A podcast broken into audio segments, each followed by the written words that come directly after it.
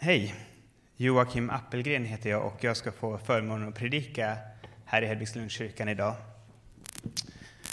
Eh, jag är en medlem i församlingen här och har varit det ett tag. Eh, gift, har en fru som heter Hanna och två fina barn. Jag tänkte idag att vi skulle tala om givande och vad det betyder för oss och vad givande är. Jag tänkte att vi ska börja lite med att titta i i Gamla testamentet i femte Mosebok 12 och 6.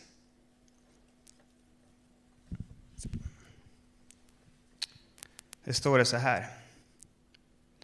Dit ska ni föra era brännoffer och slaktoffer, ert tionde och era händers bidrag, era löftesoffer och frivilliga offer och det förstfödda av era kor och får. Det talar om att vi ska ge våra tionde. Det står inte att om, du vet, det är tydligt vad Gud vill, att han säger att vi ska komma med våra tionde till honom. Vi ska komma med tionde, med våra händers bidrag, med löftesoffer och med frivilliga gåvor. Så han gör skillnad på det här. Vi har tionde, vi har våra händers offer, vilket är liksom vår tid, det vi gör för församlingen. Eh, löftesoffer och frivilliga gåvor.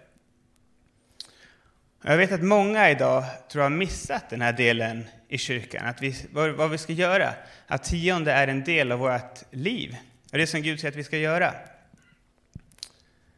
Och jag kommer ihåg jag fick eh, frågan en gång av en som började, ja men vi pratade om ekonomi och så här, och så frågade hon, ja men ger ni tionde till kyrkan?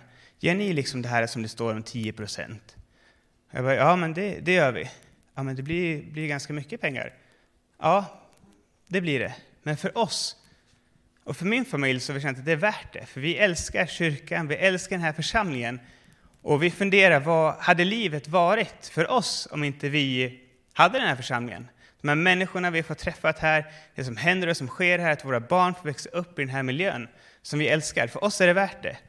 Och jag kommer ihåg när jag spelade innebandy som ung eh, i Mora, där jag kommer ifrån, och och det var liksom självklart att ja, men man är med, man betalar medlemsavgift till klubben, man är med och jobbar under Vasaloppet, man är med och jobbar under Buster Cup, som vi har en innebandycup.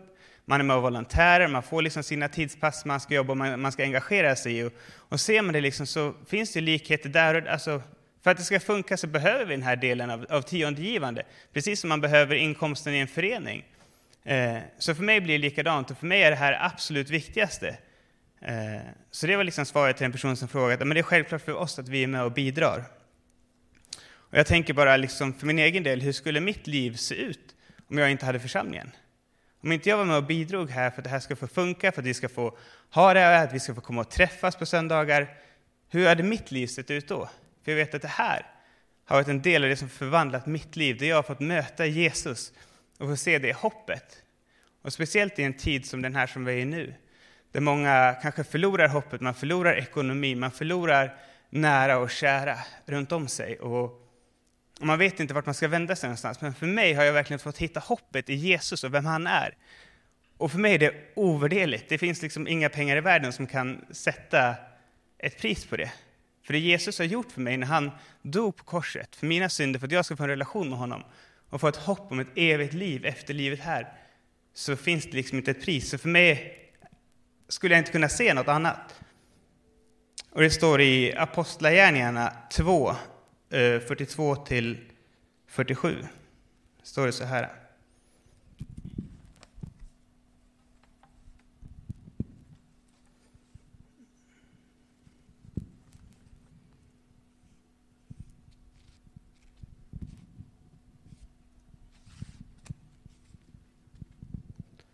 De höll troget fast vid apostlarnas undervisning och vid gemenskapen, brödbrytelsen och bönerna. Varje själ greps av bävan och många under och tecken gjorde genom, gjordes genom apostlarna. Alla de troende var tillsammans och hade allt gemensamt. De började sälja sina egendomar och ägodelar och delade ut till alla efter vars och ens behov. Varje dag var det i torget en var det troget och enigt, enigt tillsammans i templet och i hemmen bröt de bröd och delade måltid med varandra i jublande och innerlig glädje. De prisade Gud och var omtyckta av hela folket. Och Herren ökade var dag skaran med dem som blev frälsta. Vad står det här? Jo, men de delade allt tillsammans. Vi kan gå vidare lite längre bara i kapitel 4. Vers 32 till 34. Så står det så här.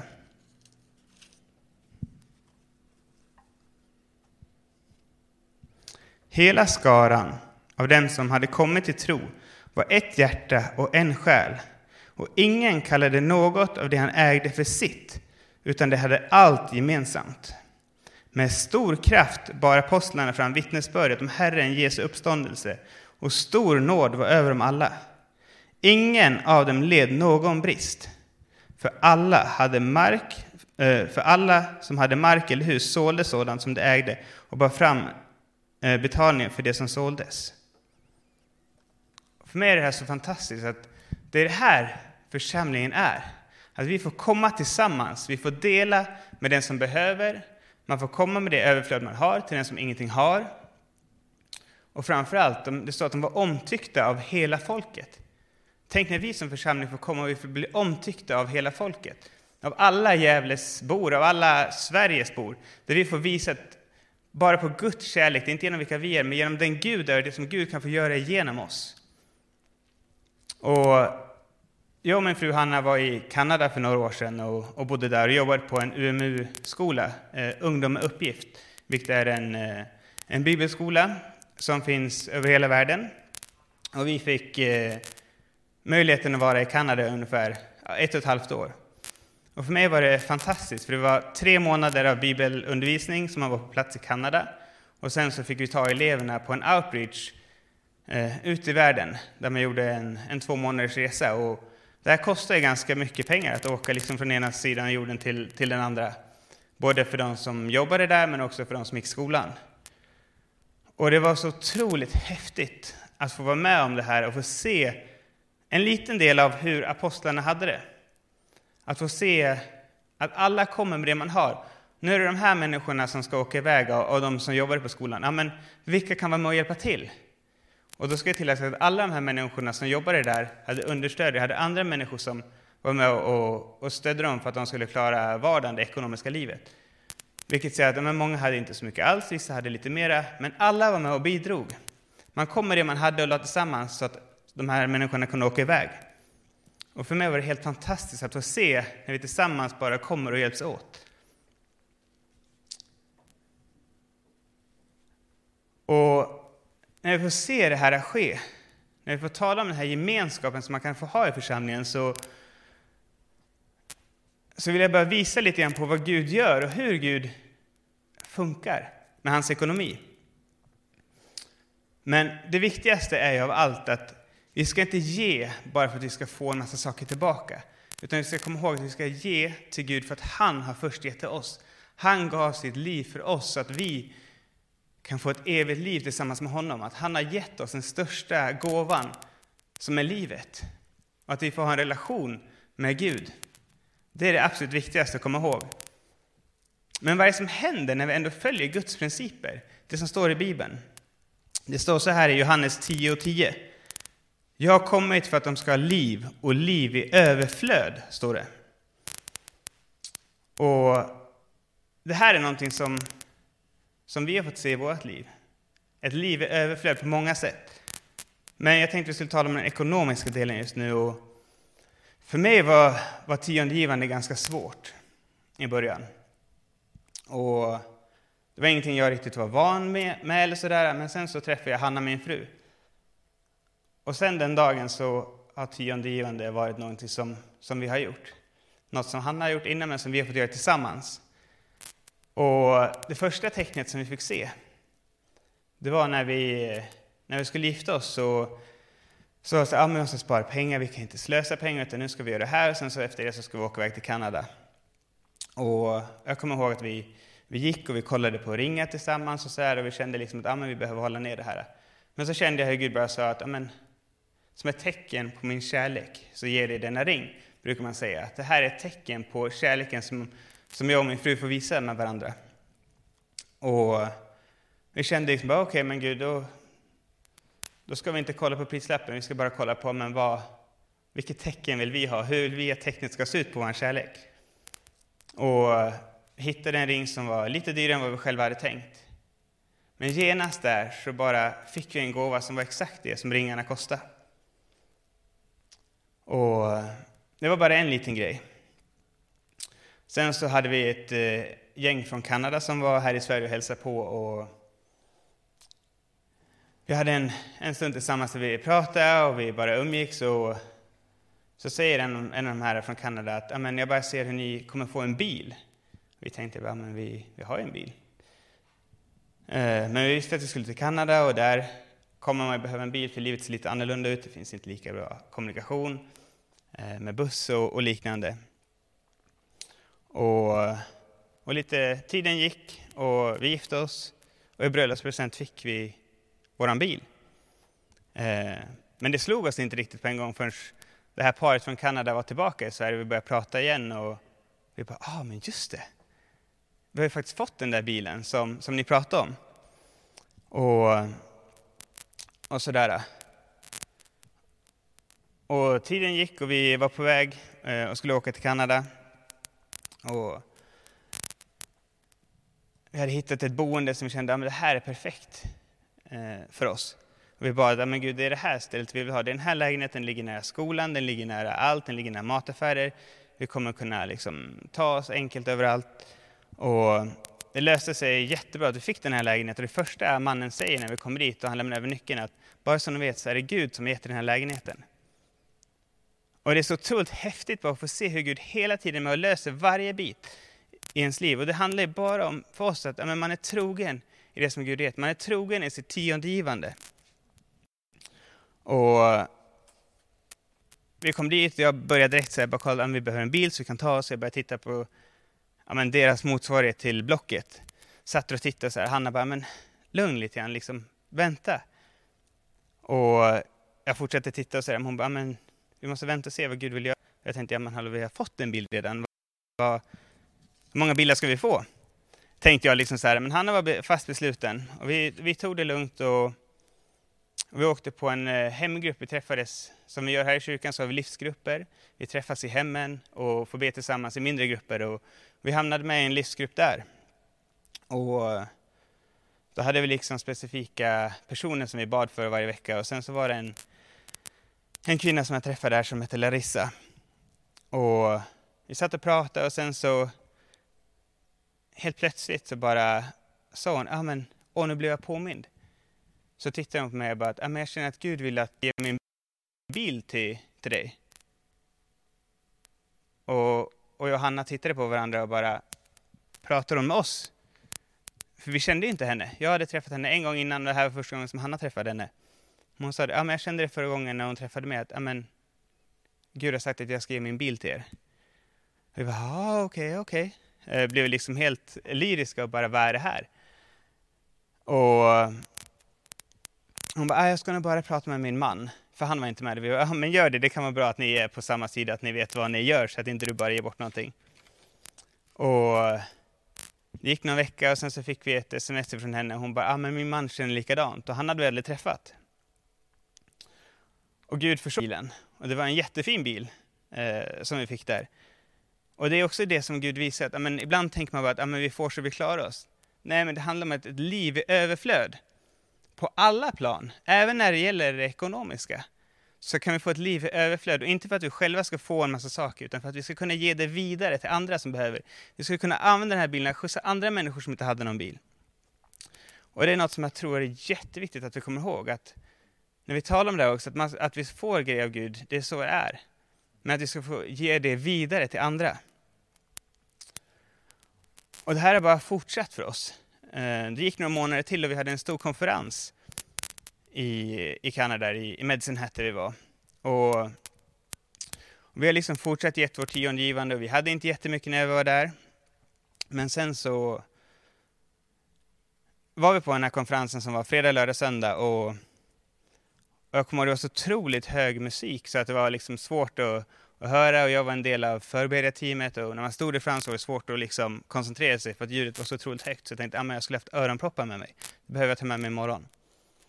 Och senare på kvällen så hade vi ett, eh, ett tal där man skulle, ett offertal för att ge till konferensen.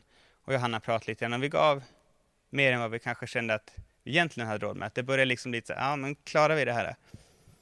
Men eh, vi gav ändå. Eh, vi åkte hem, kom tillbaka på lördag morgon eh, och vi var lite så småstressade. Vi hade en dotter som var fyra månader. Eh, vi kom dit, sen så började liksom förmiddagsgudstjänsten och så kommer det fram en kvinna till oss med en liten förpackning där det sitter tre öronproppar, tre par öronproppar. Vilket var bara, ah, det hade jag glömt, tack så mycket. Och hon bara säger, men vänd på den. Och där ligger exakt samma summa som den vi gav innan i, i pengar. Vilket blev wow, Gud han ger verkligen tillbaka. Och dagen gick, eh, det blev eftermiddag och Hanna åkte hem med vår dotter och, och vila och vi hade ett seminarium på eftermiddagen och då kommer en annan kvinna som kommer och knackar mig på axeln bara och säger så här, ah, jag har bara en liten grej till er, varsågod. Så kommer hon med en, en post-it-lapp där det står babygift. Jag bara, tackar så jättemycket, la ner den i fickan, tänkte inte så mycket mer på det här och sen så under gudstjänsten så tänkte jag, ja men undrar vad det var för någonting. Så jag öppnar den och tittar och det är en check där i. På, för oss, jätte, jättemycket pengar. Så jag bara kände att wow, oj, var kom det här ifrån? Vi kände henne, henne, eh, henne ens inte. Så jag ringde till Hanna och berättade och hon bara, var, det sant? Vem var det? Jag bara, ja men vi hade träffat henne liksom en gång innan så vi hade ett ansikte på henne vem hon var. Men vi fattade liksom ingenting. Eh, och den dagen gick eh, och konferensen på söndagen började närma sig sitt slut och jag stod vid ett, eh, ett bås där man kunde komma och anmäla sig till den här Umeåskolan som vi hade. Det kom fram ett yngre par som, eh, som vill söka till skolan och ska betala sin anmälningsavgift. Och då hade vi som att, ja, men är man ett par då betalar man en summa tillsammans. Och i Kanada så använder man, gör man säkert fortfarande ganska mycket checkar. Och så de började skriva en check för den där summan och, och betalade. Sen började skriva en till check. Jag bara, nej, nej, nej, men ni är klara. Eh, ni går på ett liksom tillsammans.